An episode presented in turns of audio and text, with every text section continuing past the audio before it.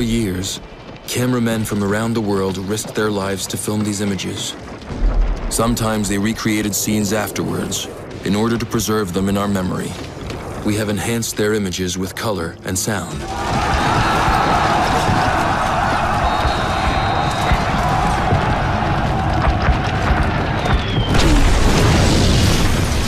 November 11th, 1918. 11 in the morning. Suddenly, silence. The armistice has been signed. Bugles and church bells sound the ceasefire.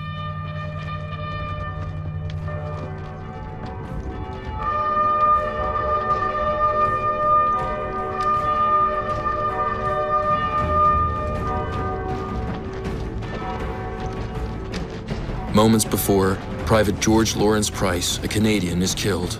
He is the war's last fallen soldier.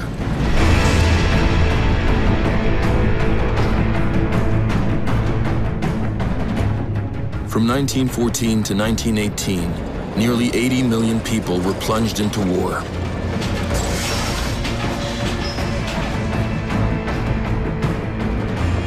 Ten million soldiers died, mowed down by bullets, blown to pieces by bombs, incinerated, starved, devoured by rats and lice, killed by the epidemics that thrive on misery.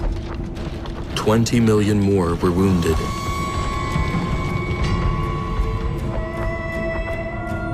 What lunacy took hold of the Austrians, Serbs, Russians, Germans, the French with their colonies, the British with their empire? the Italians, the Japanese, the Turks, the Americans. The survivors can count themselves lucky.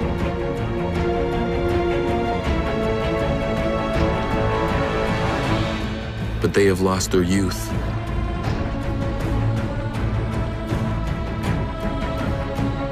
Or their face. Or their sanity.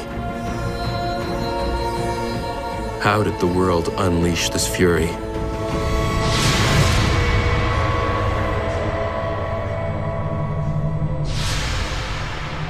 Nineteen fourteen. Who are the men of this period? So carefree, yet so close to war. Many of them are peasants, attached to their land,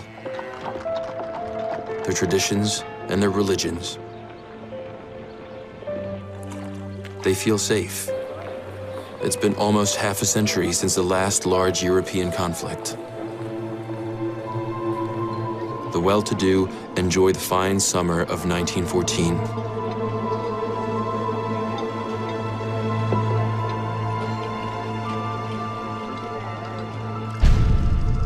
René Ferrari, 34, from a line of Italian immigrants who made their fortune in heating, is one of the first home movie enthusiasts. He believes that film will preserve the image of his happiness, not realizing how fragile it is. René is married to Jacqueline. They have three children, Pierre, Claude, and Alain. And a faithful maid, Alphonsine. They live a short distance from the railroad. Trains are so modern and practical. They go everywhere now. Soon they will transport armies. The train takes them to the French Alps, where they go ice climbing with only a cane and dress shoes. Innocence abounds.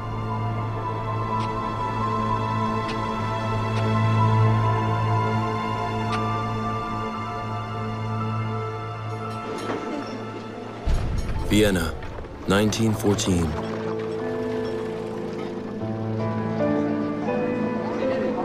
The great writer Stefan Zweig recalls the capital of the Austro-Hungarian Empire.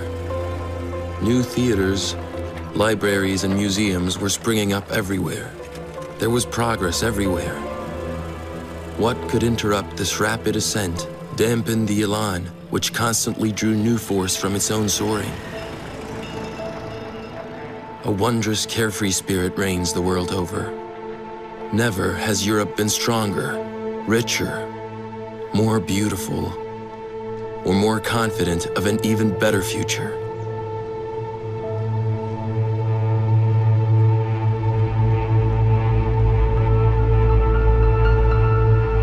It is still the Belle Epoque of the early 1900s. But not for all. Workers put in twice the hours as those of today, yet earn half as much.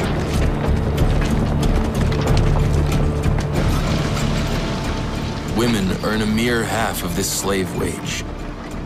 In theory, children under 12 do not work in mines.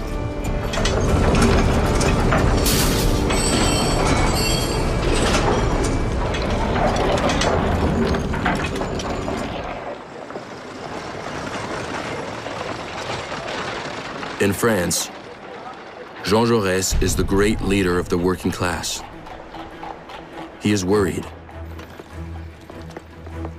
He knows that among Europe's elite, many captains of industry speak openly of a war to end the movement for workers' demands.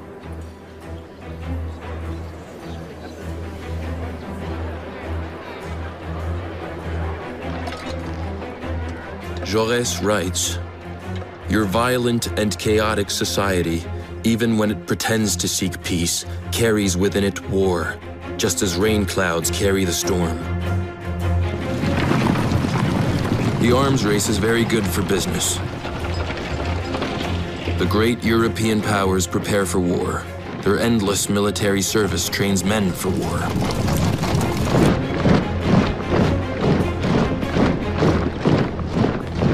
And death hover over the planet. For centuries, the rival empires have been divvying up the world with their swords. Britain's conquests reach as far as Australia and Canada. France's from Indochina to Africa. Germany also has colonies, but wants a larger slice of the pie. Prior to 1871, Prussia was a divided state. By crushing France and annexing the French provinces of Alsace and Lorraine, it has become the German Empire. The Emperor of Germany, Wilhelm II, 55, surrounds himself with his military leaders. He orders the building of a navy that will surpass England's fleet.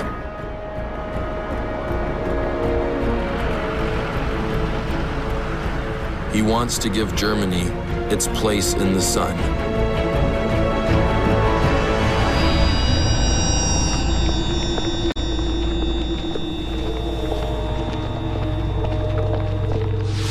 June 15th, 1914. Wilhelm II celebrates the 25th anniversary of his reign. He loves to parade, but can mount his horse only from a stool because of his handicap.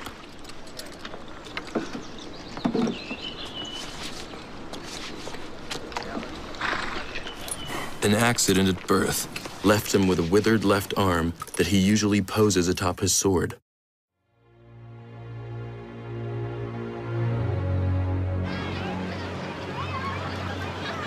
After years of failed treatments, he has developed an unstable character and is prone to violent outbursts of anger.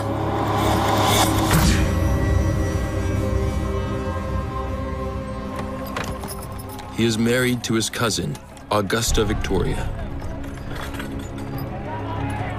They have the same grandmother, the British sovereign, Queen Victoria. She characterized Wilhelm as a hot-headed, conceited, and wrong-headed young man.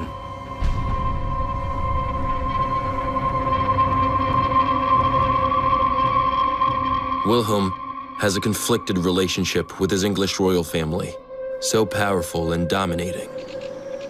One day, while hunting, he hurts himself and screams revealingly, this damned English blood. For Wilhelm II, the United Kingdom has been a threat ever since it formed the Triple Alliance with France and Russia. As a result, Germany feels surrounded and thus vulnerable. Its only true ally is the Austro-Hungarian Empire, an amalgam of smaller nations which has been reigned over for 60 years by Franz Joseph I, 84.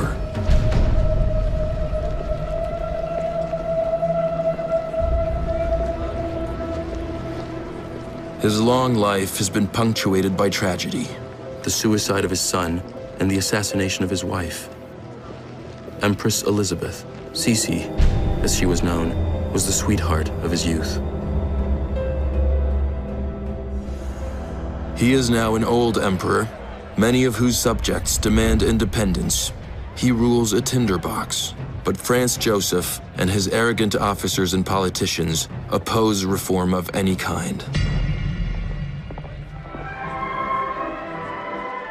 His empire is referred to as the Joyful Apocalypse.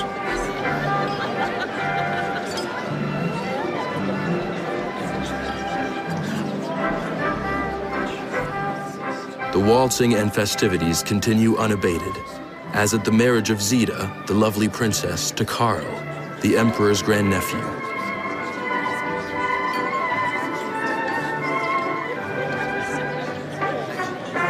But it is his nephew, Franz Ferdinand, who is the heir presumptive to the Austro-Hungarian throne. Franz Ferdinand is married to the Countess Sophie Chotek, an aristocrat but not of royal blood. Franz Joseph does not approve, nor does he approve of the reformist ideas of his heir.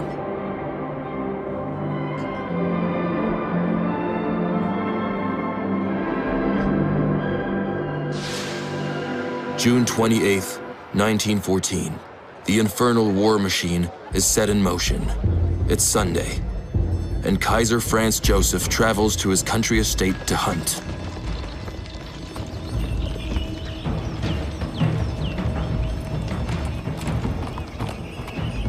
There, he learns that the heir to the throne, his nephew, Franz Ferdinand, and his wife, have been assassinated in Sarajevo.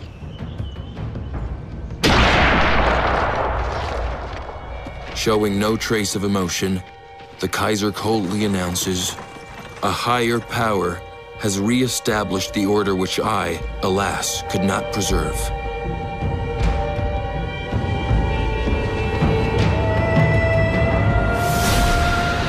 Sarajevo. The name echoes like a scream across history. It is in Sarajevo that the world's destiny changes forever. In Bosnia, which Austria-Hungary has annexed recently. But Serbia had opposed this move. It wants to expand by uniting the Slavic peoples of the Balkans. June 28, 1914, Sarajevo. Franz Ferdinand, the heir to the Austro-Hungarian crown, together with his wife, has just escaped a first assassination attempt. They stop at City Hall to protest vehemently. These are the last images of the couple. When they leave the building a little later, they are shot dead with a pistol.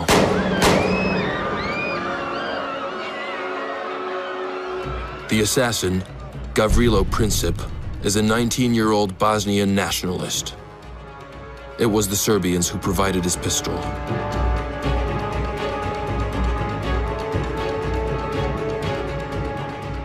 This assassination in Sarajevo will have unimaginable consequences. Though at first, it is covered as a minor news story.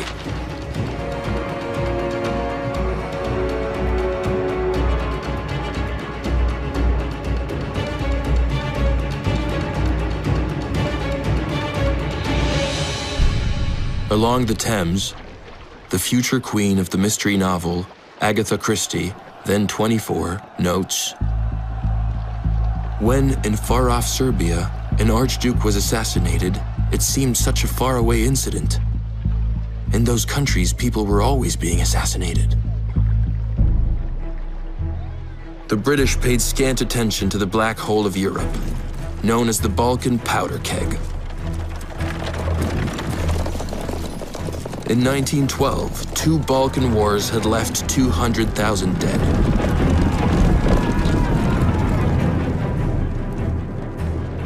By 1914, in Great Britain, those distant tragedies have been forgotten. The English monarch, George V, 49, is also the King of Ireland and the Emperor of India. His realm is huge, but his power is limited. His foremost preoccupation is Ireland's struggle for independence. On June 28, 1914, he writes, The assassination in Sarajevo is one more shock for the old Emperor of Austria. George V has no sense of what is about to explode, any more than the President of France, who has come to London on an official visit to reaffirm the Entente Cordiale, the new friendship, which after centuries of deadly rivalry, now links Great Britain and France.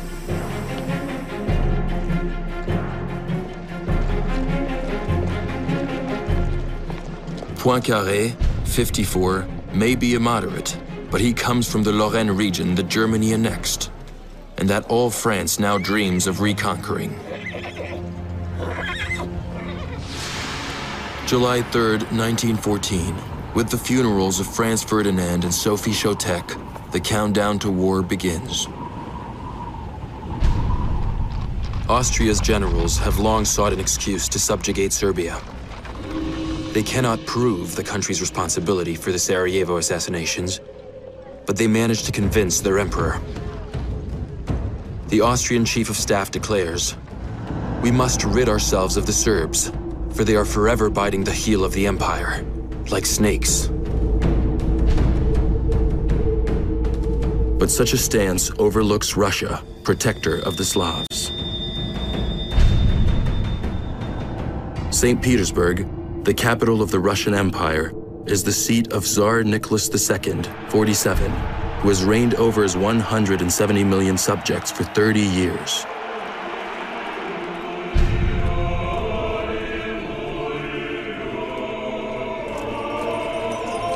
He celebrates the tricentennial of the Russian dynasty amid the pomp of the Orthodox Church.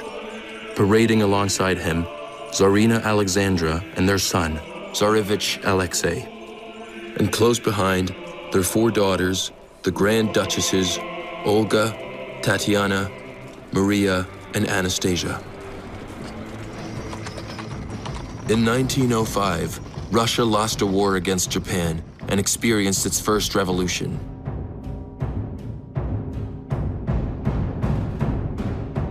Since then, the country's economy has improved, despite the burden of high military expenditures.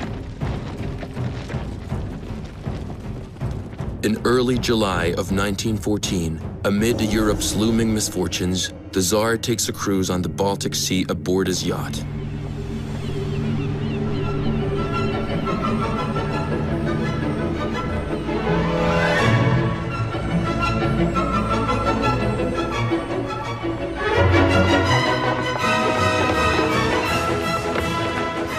Despite these images of carefree gaiety, the Tsar feels a deep sense of insecurity. Peace is under threat. And so is his dynasty.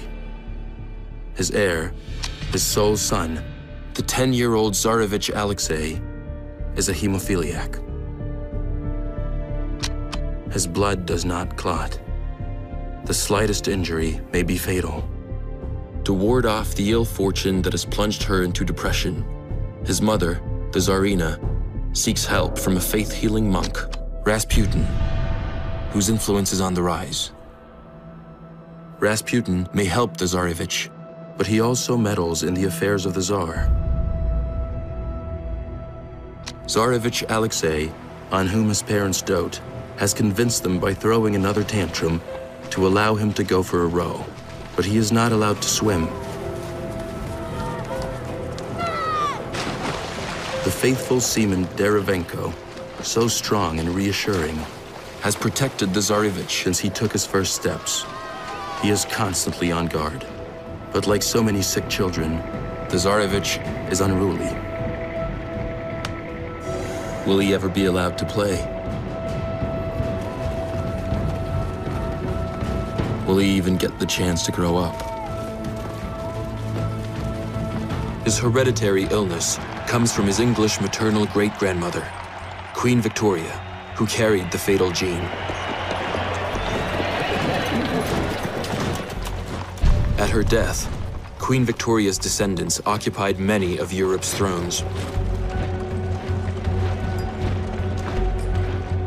The Europe of kings and emperors is one big family. The British sovereign, George V, and Tsar Nicholas II are cousins and could be taken for twins. The German Kaiser is also their cousin, and the Tsarevich's godfather. Peace should reign in the family. But in each country, strong nationalist factions see war as the opportunity to finish off a dangerous rival. And the assassination of Franz Ferdinand, the heir to the Austrian throne, is for Wilhelm II the most serious threat of all, an attack on the divine right of kings.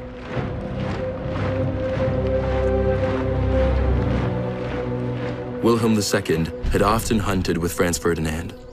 The Archduke was part of his world, and for the Kaiser, a naive and impulsive man, the assassination is nothing short of sacrilege.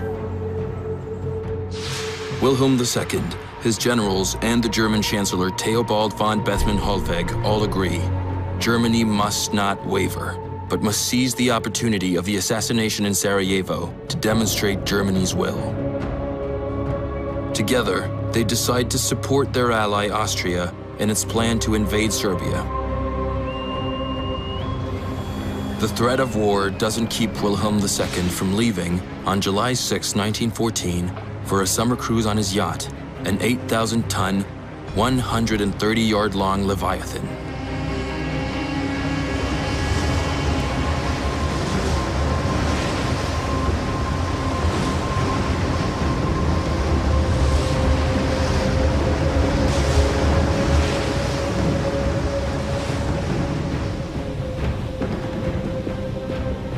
Wilhelm is confident that the conflict will not spread. He says, it will be all over in a week. The Tsar won't enter the war because Russia is unprepared, and its ally, France, has no heavy artillery.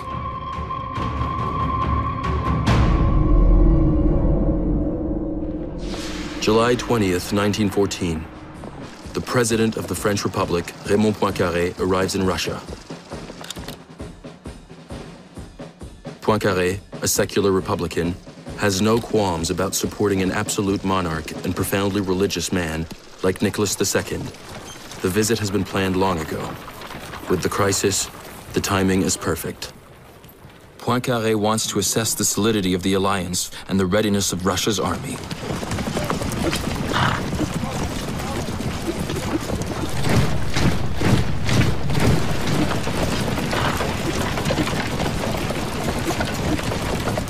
French president issues a cautious statement. The current crisis must remain limited to Serbia.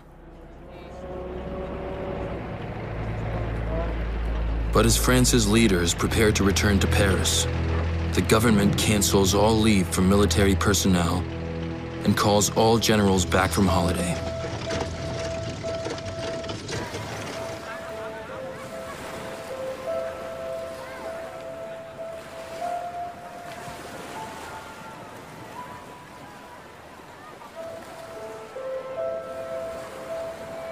While the wealthy enjoy their seaside vacations and ignore concerns about Sarajevo, the continent continues its inexorable descent into war.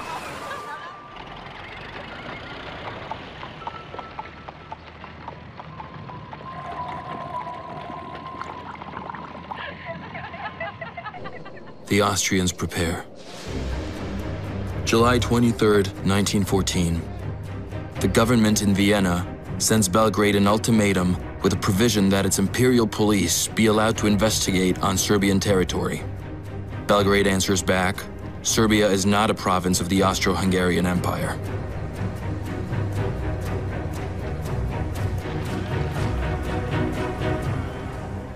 Austria's ultimatum to Serbia means war for the entire world.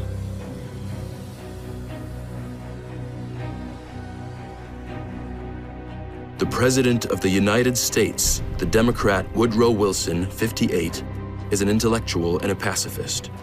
He wants to preserve America's neutrality.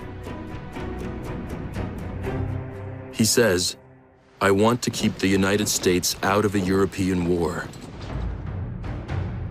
In Canada, fear of war is headline news.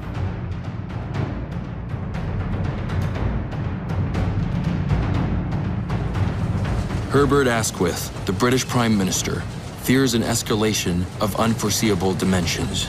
He says, we are on the brink of the apocalypse.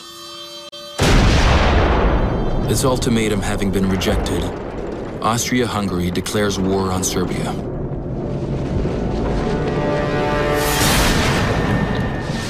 July 28, 1914, the Austrian artillery's Skoda cannons enter into action against Belgrade.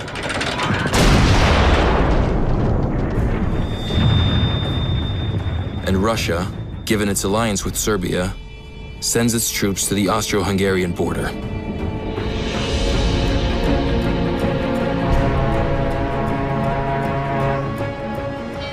July 30th, 1914, Wilhelm II cuts short his cruise.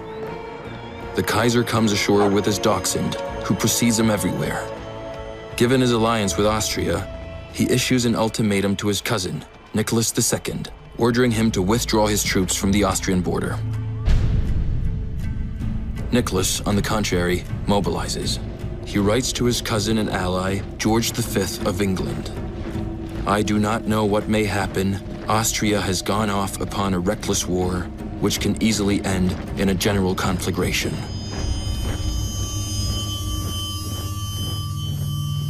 Wilhelm II, not having received a response to his ultimatum, hesitates. He speaks of saving the peace but around him, military leaders and industrialists urge him to declare war, blaming Russia for expanding the conflict.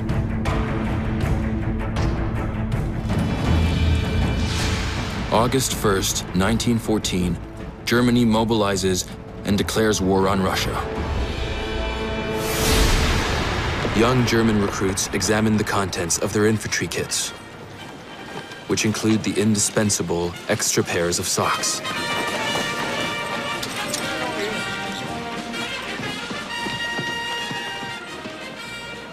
Barely out of boyhood, they are issued razor-sharp bayonets and, a symbol of the German army, the odd spiked helmet meant to deflect saber blows.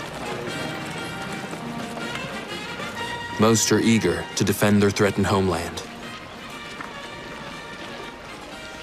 As the future writer Ernst Junger notes, we had come from classrooms and factory workbenches and a few brief weeks of training had bonded us into one large and enthusiastic group.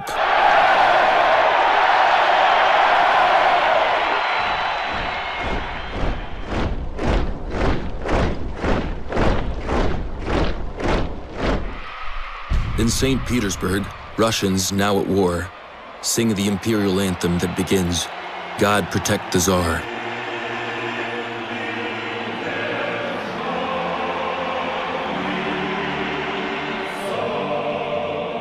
The French ambassador is present. He writes, The Tsar is overcome with emotion.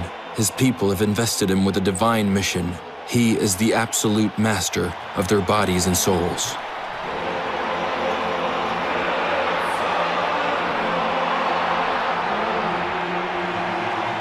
The Tsarina appears.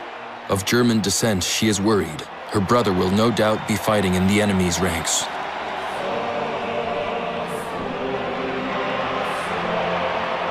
Rasputin cables Nicholas II. With war will come the end of Russia and yourselves, and you will lose to the last man.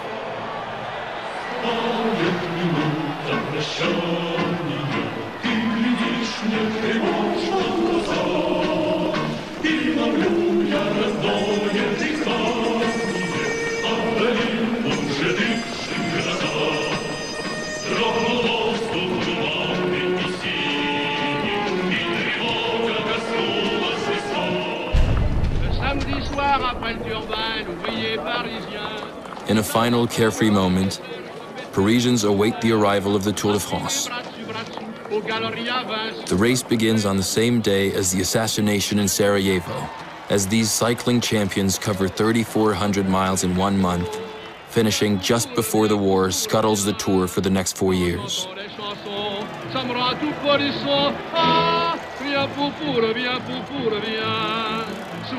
The winner is the Belgian great, Philippe Thys of the Peugeot team. August 1st, 1914. Les Halles, the legendary food market, the heart and soul of the French capital, wakes up in mourning.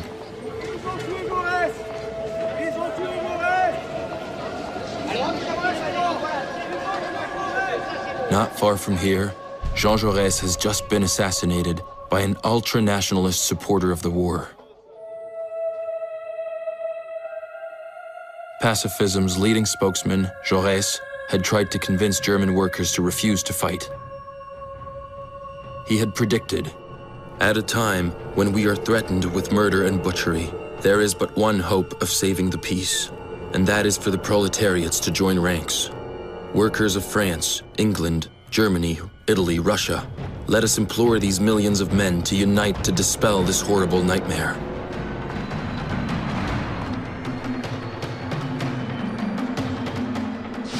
August 2nd, 1914.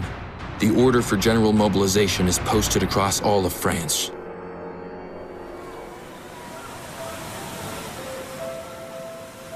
On holiday in Brittany, Louis Maufrais, a medical student, describes the moment. It is a fine late summer afternoon. I hear the tiny bell of the cathedral ringing insistently.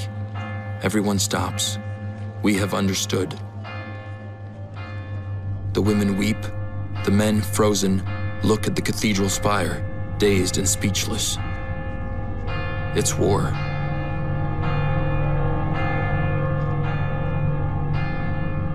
In the distance, we can hear the bells of Viviers Mondol, Carfantain, and Baguer-Morvan. It's heart-wrenching. On August 3, 1914, Paris learns that Germany has declared war on France because France is an ally of Russia. That same day, Jaurès is buried. And with him, all hope for peace. In France, Germany, and Russia, workers rally to defend their homelands. In France, Poincaré baptizes this triumph of the nationalist forces the Sacred Union.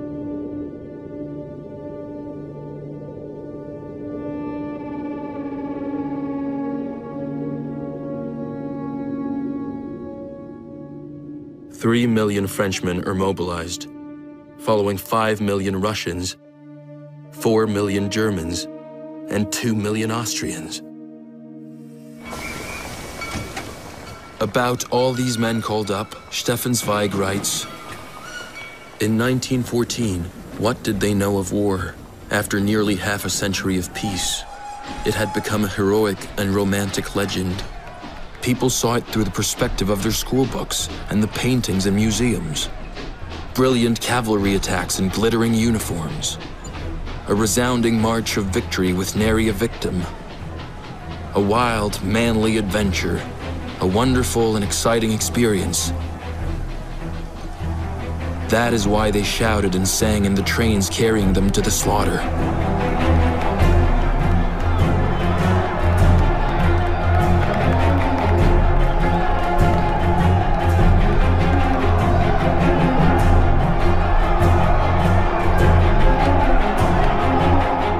If they are not happy, they prefer not to show it. In Toulouse, a young farmer, Henri Despeyrières, writes, Any sign of sadness was banished. We swaggered before our fellow countrymen.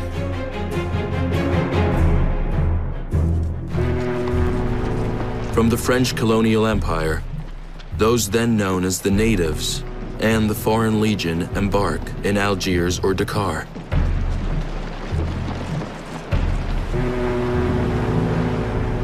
on boats almost as crowded as the slave ships of the past. Resigned, dancing for the camera, they sailed toward a world of the unknown.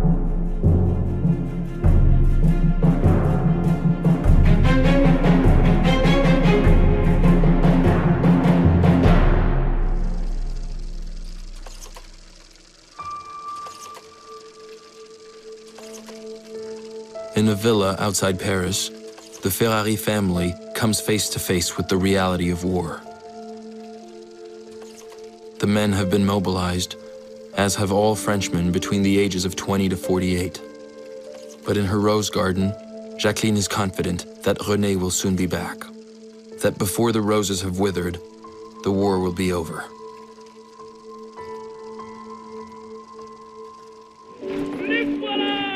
These farmers, off to defend their country, expect to return before the harvest is over. August 3rd, 1914. The Germans attack. They count on a rapid victory in a brief war.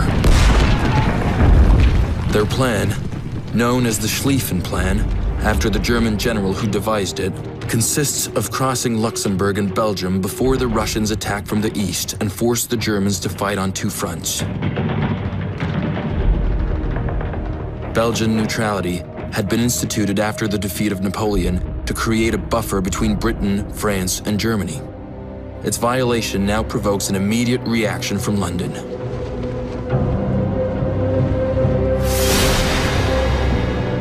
England declares war on Germany. August 4th, 1914. In London, on the balcony at Buckingham Palace, King George V says, it is a terrible catastrophe, but it is not our fault. Please God, it may soon be over.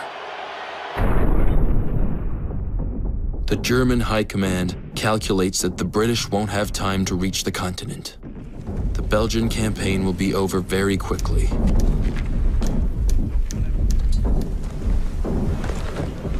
But the Belgians stand firm. Albert I, their valiant king, tells his people a country that defends itself cannot perish. The Belgians have armored trains and strong defenses protecting their cities.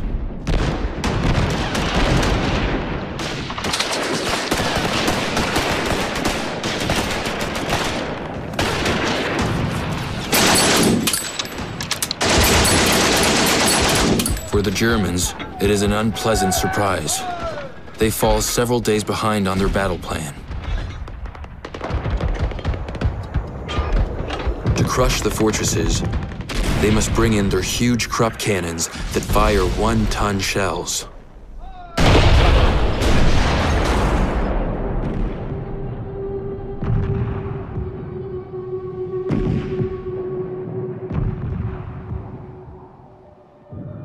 So the Belgians destroy their train tracks by crashing their own locomotives into each other.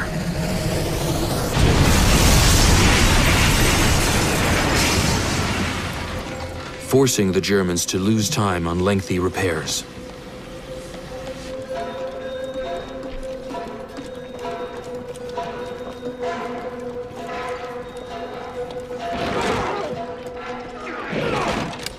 While the Germans mark time in Belgium and the Russians prepare their offensive, the Austro-Hungarians, who expected to punish the Serbs in a week, are stopped in their tracks. The Serbs prove to be fearsome combatants. After two weeks, the Austrian death toll has already reached 25,000, and the Serbs celebrate their victory, for now.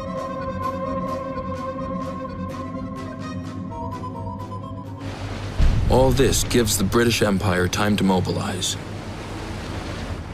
The world's largest navy goes into action. At its head, a young cabinet minister named Winston Churchill. Great Britain does not have an obligatory military service and needs volunteers. This poster of Field Marshal Kitchener, the hero of Khartoum, proclaims, Your country needs you, a cry echoed by the country's recruiting officers.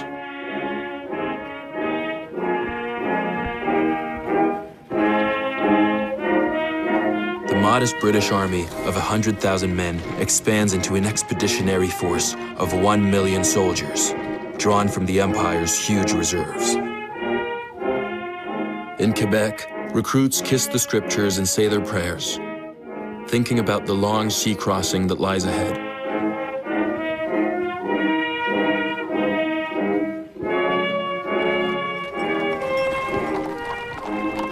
These departures will become the inspiration for a heart-rending novel, Warhorse, by Michael Morpurgo. It recounts the battlefield odyssey of Joey the farm horse. Joey, who can speak, says he was chosen because he was judged sound as a bell, fit for anything, cavalry or artillery.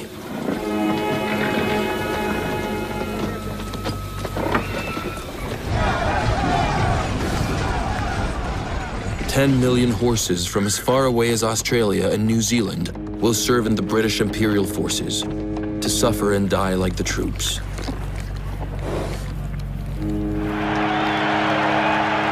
Without ever suspecting what awaits them.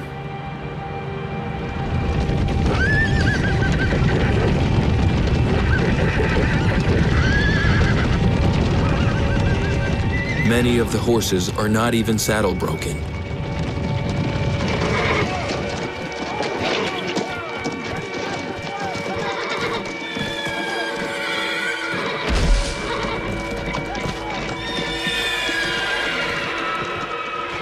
Joey the warhorse declares confidently The soldiers are buoyant with optimism, as if they were embarking on some great military picnic.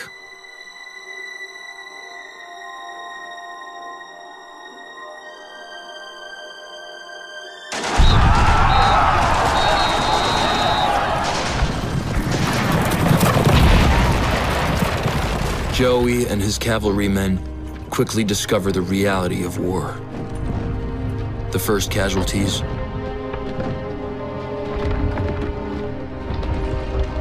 The first German prisoners. And the Belgians, so courageous to the end.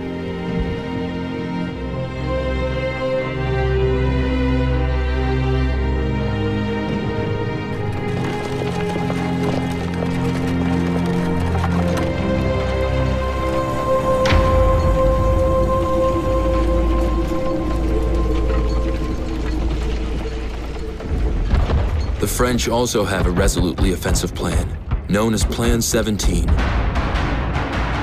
Take back Alsace and Lorraine, march on Berlin. Their first objective, Mulhouse, in Alsace. August 7th, 1914, the French take Mulhouse. This triumphant parade is staged for the newsreels. It features school children, bouquets of flowers, and patriotic outpourings from people in traditional Alsatian garb. The French Army of August 1914. The infantry is made up mostly of large battalions, as in the time of Napoleon, with uniforms unsuited for modern warfare, with conspicuous red trousers and no helmet. They swelter under thick woolen greatcoats in the stifling August heat. They must lug a heavy haversack and the famous Lebel rifle, weighing 11 pounds. But the Lebel, like the German Mauser and the British Lee Enfield, has a firepower never before seen. These repeating rifles, with a range of over 1,200 feet, render archaic and criminal the bayonet charges in closed ranks.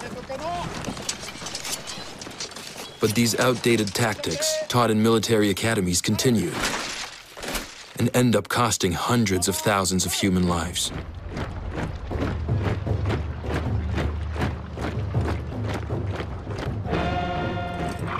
Three days after the filming of these scenes, the French troops are driven out of Mulhouse by a counteroffensive. The Germans then turn their machine guns on the local populace, whom they accuse of committing hostile acts towards the Kaiser's troops. In Belgium, too, the Germans have launched their strategy of reprisals.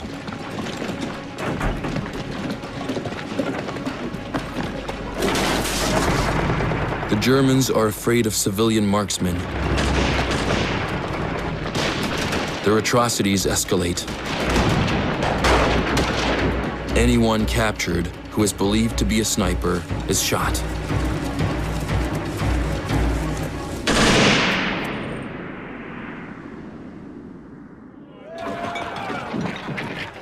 As with soldiers everywhere, alcohol assuages the horror and helps spread tall tales, including the one about the German infantryman stabbed by a Belgian priest.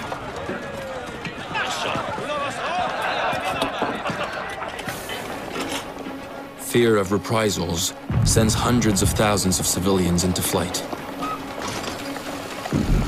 Belgians, French, and British accuse the Huns, as they call their enemies, of rape, of cutting off women's breasts and children's hands.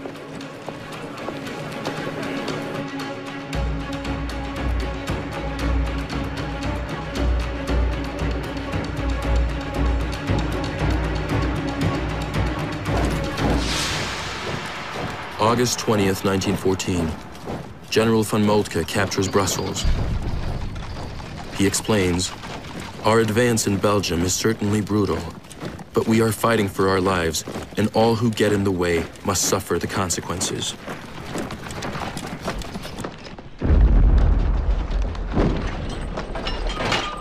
The Germans destroy historical monuments, lay waste to Louvain, the city known as the Belgian Oxford, and burn its medieval university and irreplaceable library.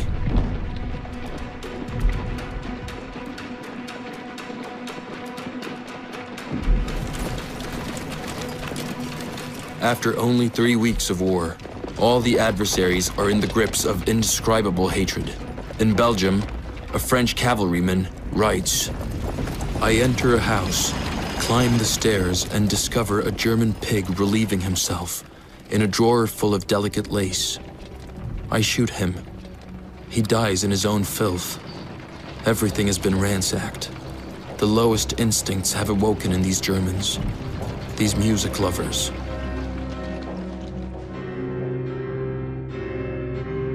In the east, contrary to German plans, the Russians have crossed the border and entered East Prussia. And now it is the Germans who begin to flee what they call the Russian steamroller. August 22nd, 1914. Panic sets in. These German refugees also tell of destruction and pillaging.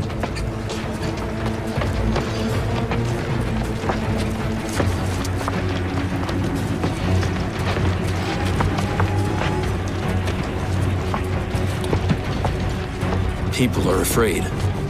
Uncertainty reigns. Kaiser Wilhelm II vacillates between despondency and martial enthusiasm. His paranoia worsens. He insists England, France, and Russia have agreed among themselves to wage a war of extermination against us.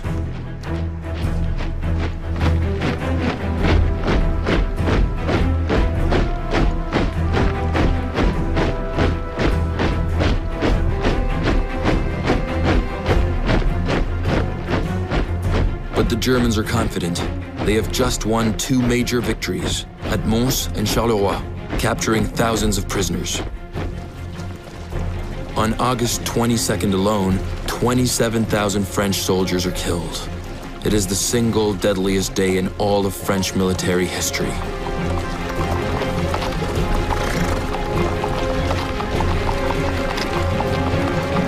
Wilhelm II addresses his subjects. He says, Wir werden uns wehren bis zum letzten Hauch von Mann und Ross.